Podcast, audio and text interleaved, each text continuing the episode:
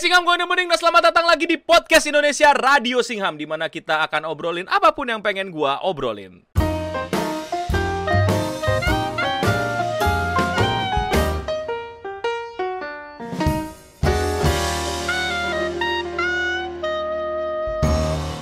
Selamat datang lagi di konten yang di mana kamu gak harus nonton videonya Kamu bisa sambil kerja, belajar, tidur, atau apa pun itu Yang penting suara gue bisa nemenin kalian ngobrol Dan kali ini gue udah ditemanin sama ahli properti Indonesia Kenapa ahli properti dong? Kita mau ngomongin properti ekonomi bukan berarti mengerti properti dong. Cara mengajukan KPR saya saja tidak tahu. Ya ada profesional wibu Bapak Admin Yami alias Akil Apa kabar Bapak? Ya, kabarku baik. Nah, Portofolio juga baik. Nah, mantap. Jadi kali ini kita mau ngomongin kenapa gua tidak membeli rumah. Itu. Kenapa sih nggak beli rumah dan nggak mau beli rumah? Dan mungkin ya dalam waktu yang lama belum tentu akan beli rumah juga. Bukan karena tweet Elon Musk, tapi ini adalah pemikiran yang akhirnya gua dapatkan gitu setelah gua ngobrol-ngobrol dan pengalaman hidup gua. Oke, backgroundnya dulu nih ya. Gue yakin deh pasti kalian semua tuh punya mindset yang kayak gini. Bukan kalian, mungkin orang tua kalian atau keluarga kalian gitu. Yang di mana lu udah sukses, lu udah mapan, lu udah eh, apa ya settle kalau misalnya lu udah punya rumah, betul tidak? Betul dong, iya nggak sih? Betul, masuk akal. Masuk akal Siap. banget itu pemikiran orang tua orang tua zaman dulu sih. Dan emang Mungkin ke bawah ke Iya, generasi bawah dikit gitu. dan emang bener gue setuju juga gitu dan gue juga bilang itu adalah pemikiran yang tepat gitu loh. Tapi setelah gue pikir-pikir gue punya upgrade version khusus di kasus gue gitu loh. Jadi ya gue sangat setuju lah Enak kalau punya rumah, enak Gue juga mau punya rumah nih ya Sekali lagi gue juga mau punya rumah gitu kan Udah milik gitu kan Kalau kata Vengeance atap gitu kan Atap gitu Jadi atap untuk berteduh. Eh, betul sih. betul gitu loh. pengen. Jadi kalau ada apa-apa lu punya rumah untuk kembali lah gitu. Itu safety net lu lah. Itu setuju banget gua kan lu kenapa-napa segala macam lu punya rumah, ya kan? Bisnis gagal lu punya rumah. Ya kan? Gitu loh. Ada apa-apa eh, lu mungkin amit-amit dipecat atau gimana, lu punya rumah. Kalau lu kokos ya susah kan gitu. Nah, dan gua pun adalah orang yang setuju sama pemikiran itu sekitar tahun lalu. Di saat gua udah bekerja, gue tuh cita-cita langsung pengen banget punya rumah. Ya tadi yang gue udah bilang alasannya ya, atap gitu. Nah tapi susah banget gitu loh pas gue lihat-lihat dan gue jalanin men. Susah banget. Tapi bener-bener gue tekuni gitu loh. Kayak gue bener-bener nyisihin duit gue buat gue tabung. Inilah tabungan gue buat rumah gitu kan. Gue bener-bener yang kayak eh, menghemat banyak pengeluaran biar bisa lebih nabung lebih banyak. Gue juga, gue bukan cuma nabung, gue nyari, gue nyari rumah.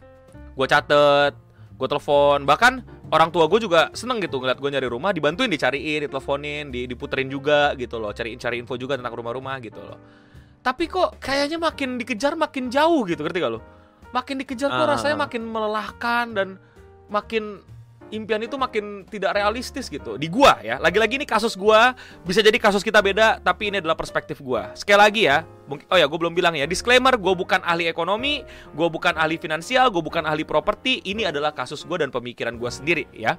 Kalian silakan punya pemikiran Ah. yang lain gitu tapi gue pengen berbagi tentang pemikiran gue mengenai properti ini gitu. Sekali lagi ya silakan aja kalian punya rumah silakan aja kalian KPR tapi gue pada saat struggle gitu ya pengen banget punya rumah pengen banget nyari rumah gitu dari harganya aja tuh udah yang kayak wadidaw gitu udah pada nggak masuk akal sih. Kau ingat nggak sih di beberapa tahun lalu Mm-mm. kita pernah bikin 2021 rumah Eh, Enok gitu. iya iya Ya itu. slow up iya sa- kan saking iya saking kalau mereka nggak sadar gitu ya saking gue dari dulu tuh pengen banget punya rumah makanya anak-anak gue tuh anak-anak gue lah banget. Maksudnya eh, clean sound gitu ya baru baru clean sound tuh bilang apa 2021 rumah rumah rumah Eno gitu kan. Saking gue pengen banget punya rumah gitu mereka pun sampai bikin semangat itu gitu. Tapi walaupun disemangatin ya itu kill ternyata Ya itu sulit sulit. ternyata- makin, makin sini makin sulit. Iya ternyata kayaknya mm, enggak deh bukan rumah deh gitu loh. Kayak gue gue melihatnya gitu ya. Gue gue pribadi langsung langsung di tahun 2021 ini eh gue sadar gitu semakin jauh gitu. Oh jangan salah gue bukan nyatet gue samperin. Gue tanya kontraktornya. Gue bener-bener udah sampai mau surat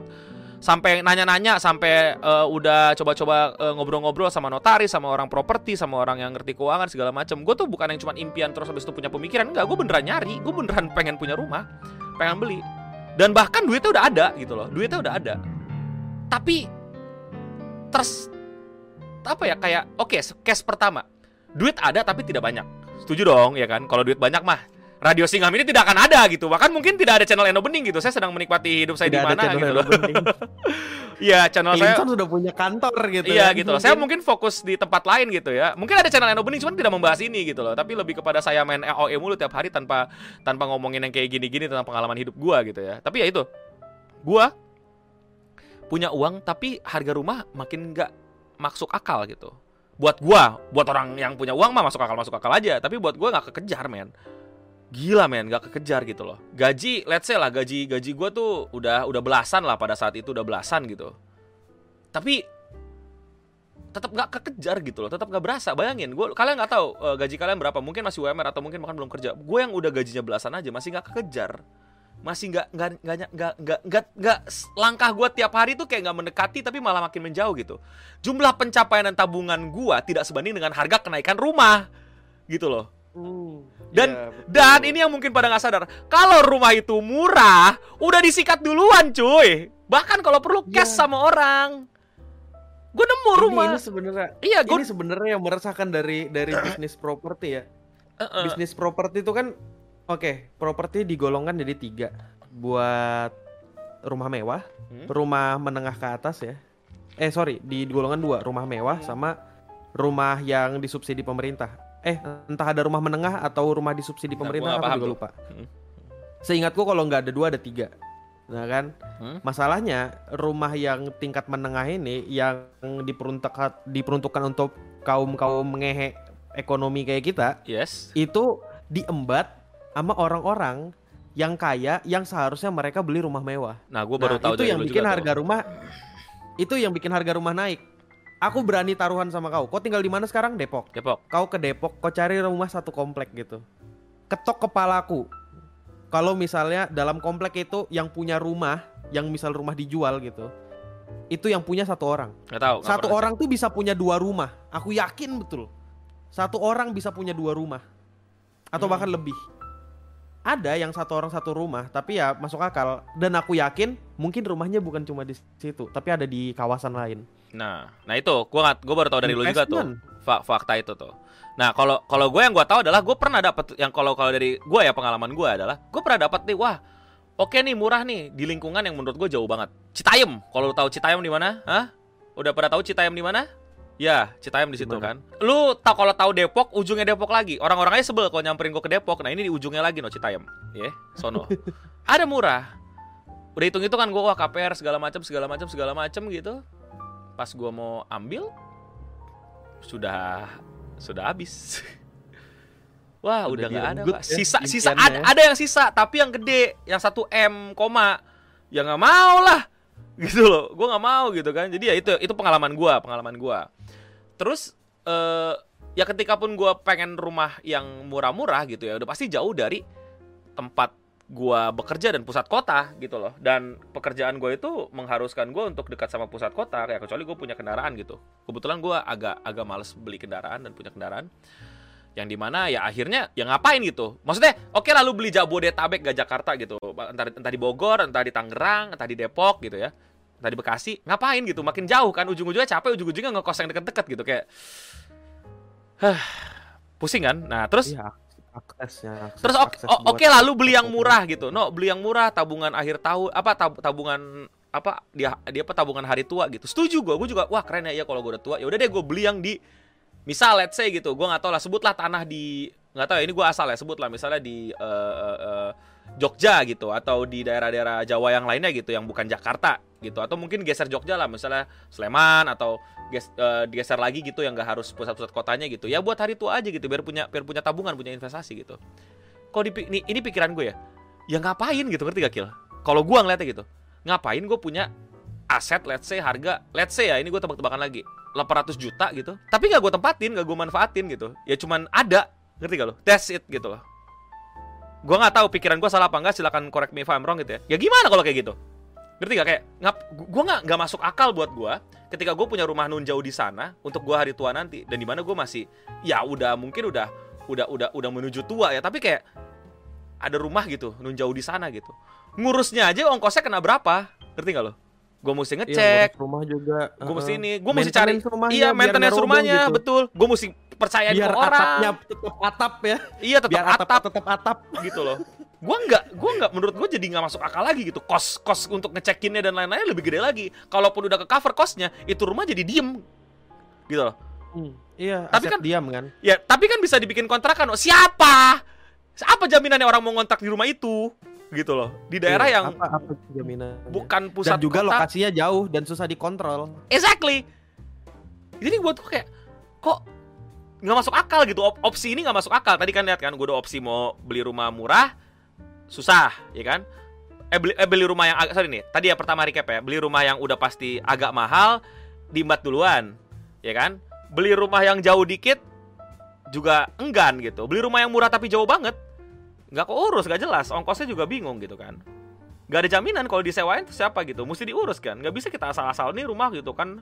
Rumah udah jadi eh, hancur atapnya segala macam kalau nggak diurus gimana? Rumah kalau diurus gue mesti sewa orang kan, gue mesti bayar orang. Kena Iya, lagi, kos lagi gue gitu loh. Dan Hmm. sedih lah gitu. Ya gaji gue mungkin udah belasan tapi enggak lah menurut gue ngerti gak lo? Kayak pada saat itu ya belasan gitu. Enggak lah gitu. Opsi berikutnya yang ini yang apa yang udah deh rumah di sekitar Jabodetabek gitu kan yang murah nggak nggak yang tadi yang gue sempat singgung gitu kan. Ya gue mau jelasin lagi nih lebih lebih jelas mengenai rumah yang Jabodetabek eh mengenai Jakarta gitu ya. Jadi Jabodetabek gitu. Itu eh, ongkos gua bolak-balik tuh berasa banget gitu dan jauh dan capek dan ujung-ujungnya ngekos. Eh gue udah udah bilang ya, ya udah gue gue bilang sekali lagi deh biar nggak lupa gitu kan. Ya kalau ujung-ujungnya ngekos capek juga gitu kan. Toh ongkosnya juga gede gitu. Tapi kan sekarang lagi pandemi no. Ya sekarang lu nggak mau pandeminya membaik. Ngerti gak lu? Masa sih lu nggak mau dunia jadi makin baik gitu kan? Yang ujung-ujungnya ya nggak usah jauh-jauh lah. Sekarang udah banyak yang ada yang work from home ada yang work from office dibagi segala macam ujung-ujungnya kan udah mau ke arah membaik lagi segala macam ya sekarang enak gue masih la la la la la online gitu loh. Tapi kan bukan doa gue untuk pandemi terus gitu. Doa gue ya biar membaik lah. Ekonomi juga orang-orang jadi membaik lah. Lu kalau ngeliat ekonomi tuh secara makro jangan mikro doang gitu.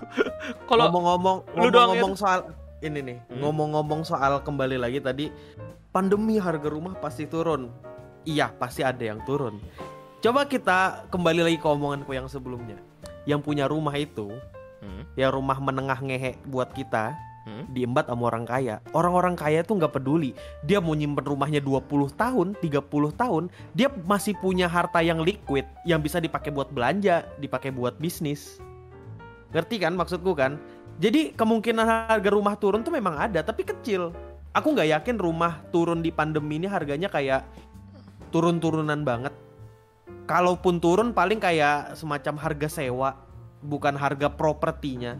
Karena aku yakin orang-orang kaya itu dia tahan buat nyimpen rumahnya itu entah rumahnya dibiarin kayak apa pun itu pasti tahan karena ya bisa diperbaikin nanti ya bisa kalau kalau banyak urusan gitu bisa gampang gitu Nah makanya dari eh, kembali ke topik eh, pandemi gitu ya gue bilang ini kan lagi pandemi yang sekarang aja kita nggak tahu nextnya gimana. Kita nggak tahu ke depannya gue pengennya lebih baik gitu. Kena ongkos lagi ya kan? Ongkos yang lebih chaos lagi yang menurut gue yang bakal kena kena kos lagi gitu. Jadi pusing gitu. Oke lah. Kan ada KPR no gitu loh. Dicicil gitu. Nah gue nggak anti KPR gue emang mau KPR menurut gue KPR sangat masuk akal gitu loh. Nggak bisa kita tiba-tiba langsung nge-cash gitu kan. Tapi yang gue pikirkan gini lagi. Oke lah. Gue ambil rumah dengan gaji yang gue sekarang gue yakin KPR gue bisa di approve gitu. Gue ambil rumah yang akhirnya di daerah Depok Bogor dan Bekasi gitu. Eh, yang mungkin lebih dekat lagi gitu. Yang yang yang lebih dekat dengan transportasi transportasi gitu. Anggaplah harga udah satu koma ya satu koma gitu. Berapa ya kira-kira KPR ya? Ini gue asal asal itu nggak ya anggaplah per bulan bayar berapa ya kira-kira ya? 5 juta? Buat 30 tahun berapa tuh? 5 kali 30 juta tuh? Ya bisa lah 5 juta 30 tahun kan dapat 1,8 nih. Ini ini ini gue hitung asal ya yang ngerti KPR pasti lebih bisa bisa koreksi gue lah kalau salah kan. Iya nih 1,8 M ya 1,8 M. 5 juta 30 tahun. Dan itu kan bisa naik terus tuh ya. Ini asal ya lagi-lagi sorry kalau salah karena ini hitung hitungan asal gue. Ya lu bayangin lu keluar 5 juta per bulan yang di mana hasil akhirnya lu nikmati 30 tahun kemudian. Ngerti gak maksud gue dan itu pun 5 Kalau juta KPR kalau KPR kan bisa ditim, bisa ditinggalin kan nggak tahu. Correct me if I'm wrong. Tapi ya nggak mau lah gue tinggalin.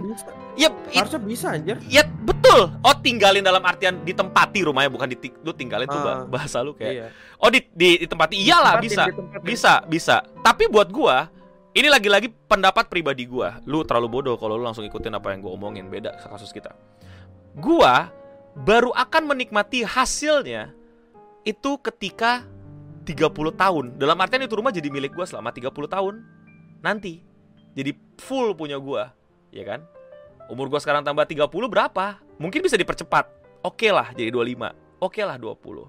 Ya. Tapi selama jangka waktu itu kos yang gua keluarin untuk reparasi rumah, untuk jagain rumah, untuk kecatan segala macam ya udah keluar. Dan belum tentu di daerah yang gua suka. Belum tentu di tempat yang ternyata gua nyaman.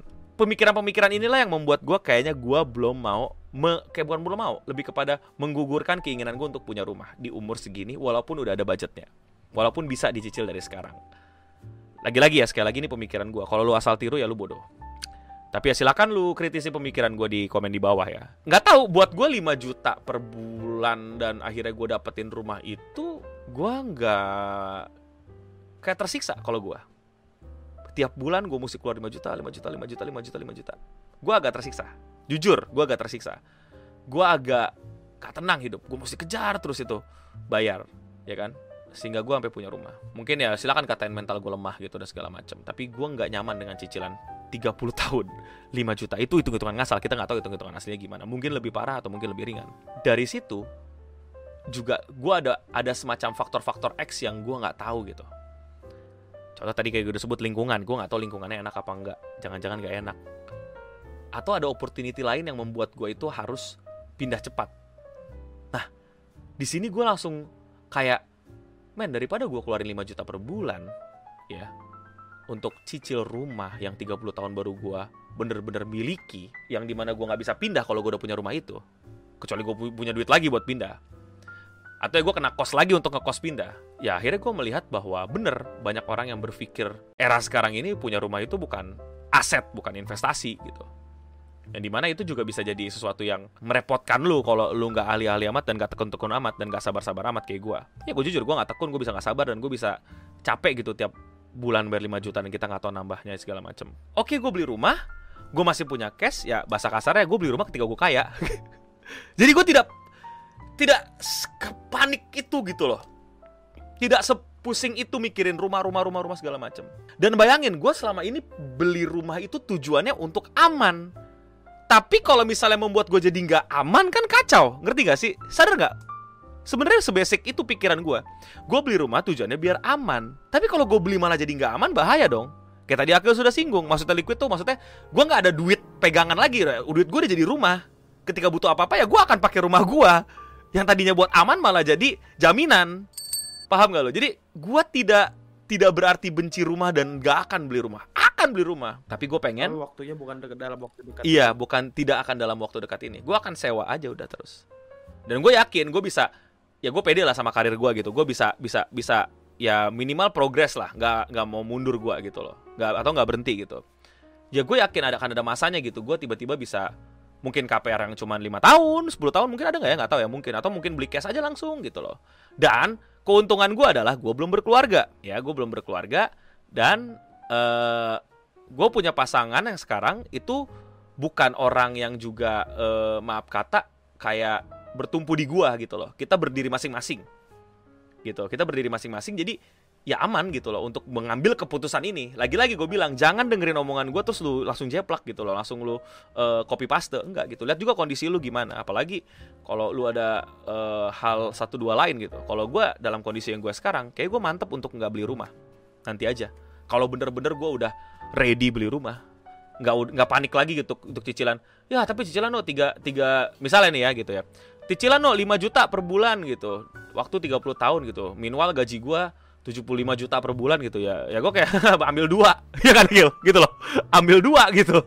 Tiga kalau perlu ya 75 kurang 15 gitu kan. 60 gue simpen. Iya. Gitu. Gue ambil tiga ah, kalau memang, memang yang masuk akal tuh beli rumah tuh di hari tua. Karena iya. kalau di hari tua kau sudah tidak punya penghasilan dong tentunya gitu kan. Mm -hmm. dan nggak mungkin kau bakal memberatkan dirimu dengan harga sewa rumah juga Mm-mm. itu yang paling masuk akal jadi ya salah satunya ya beli rumah di saat di hari tua di situ kok bisa tenang karena kalau kau sudah di hari tua kau tinggal nunggu ajal kan sih ibaratnya Tapi gue nggak. kasar banget sih, Iya, tapi iya. tapi emang itu Tapi, tapi gue bukan tipe orang yang eh, bakal di hari tua diem sih. Gue bakal tetap. Gue suka sama kerjaan gue. Gue suka sama aktivitas gue gitu. Kalau mungkin karena akan ngeliat gue tetap nge YouTube dengan keadaan yang udah ubanan. Mungkin aja gitu. Kalau YouTube masih ada eh 100 tahun ke depan gitu. Dan ada mungkin ada yang ada yang komentar gitu. Tapi kan harga rumah makin lama akan makin mahal. Ya apakah jaminan kalau gue ambil sekarang eh, cicilannya nggak naik? Ya naik naik juga kan ngerti gak sih lo? Kan ngikutin ngikutin pergerakan ekonomi juga. Kalian tahu nggak sih kalau gue misalnya KPR 5 juta nggak nggak nggak tiap tahun 5 juta ada penyesuaian dan lain-lain gitu loh. Ngerti gak lo? Jadi ya udah gitu. Kalaupun nanti nggak ada rumah yang bisa dibeli, ya udah gitu loh. Mau gimana? Gue nggak mau paksain apa yang resource gue sekarang untuk sesuatu yang menurut gue hanya untuk tempat gue tidur dan tempat gue nyaman gitu. Toh gue di sekarang di tempat yang numpang pun masih nyaman gitu. Toh eh, masih dalam keadaan yang belum butuh-butuh amat gitu. Gue bener, gue jujur, itu bener-bener buat simbol dan buat nyaman gitu. Kalau kalian mau tahu alasan gue beli rumah dalam waktu dekat yang rumah-rumah yang opening 2021 gitu anak-anak suka eh, nge-chan kayak gitu buat eh, support gue, itu ya buat studio, buat bisa nongkrong dan segala macam gitu loh. Tapi kayaknya gue bisa udah udah bisa dapetin itu dengan cepet kalau misalnya gue sewa atau kontrak selesai perkara, ya kan? Kalau misalnya kita berisik terus diusir warga tinggal pindah. Kalau udah milik gimana? Clear sana yang bubar dong. Atau gue beli rumah baru lagi kalau ada duitnya. Jadi itu yang gue pikirin ya dari pemikiran sempit gue ya yang nggak nggak pernah belajar properti ceburung langsung atau yang ekonomi gimana gitu yang dari pengalaman gue dan apa yang gue punya resource gue gitu. Jadi ya gue sudah mantap untuk mengubur impian gue untuk nggak beli rumah gitu. Tapi bukan berarti nggak bakal beli rumah. Gue akan nggak beli rumah dalam waktu dekat iya pokoknya maksudnya. gitu ya pokoknya gitu. Gue akan beli rumah tapi nanti dan gak dipikir-pikirin amat gitu loh. Kumpulin aja dulu gitu loh. Siapa tahu nanti gue malah jadi buka usaha ya kan? Gue apa buka franchise atau mungkin gue malah bukannya beli rumah malah beli ruko? Nggak tahu nggak tahu. Gue nggak nggak nggak nggak nggak pokoknya nggak nggak nggak tahu eh, pengganti rencana itu apa. Eh udah ada penggantinya udah ada yaitu sewa gitu loh nggak beli gitu loh. Eh, dan iya gue akan eh, beli rumah kalau misalnya sudah sudah ada duitnya dan jelas gitu. Nggak perlu pusing muntah mikirin KPR KPR gitu. To be ini juga terinspirasi dari beberapa saudara dan teman-teman gue yang pusing mikirin KPR, pusing mikirin KPR gitu. Kok lu jadi pusing gitu loh, ngerti gak sih? Toh lu udah di rumahnya kan gitu. Bukannya kalau lu udah ditempatin rumahnya lu malah jadi happy ya, ngerti gak sih Kil kayak gue pikir kayak gitu gitu loh.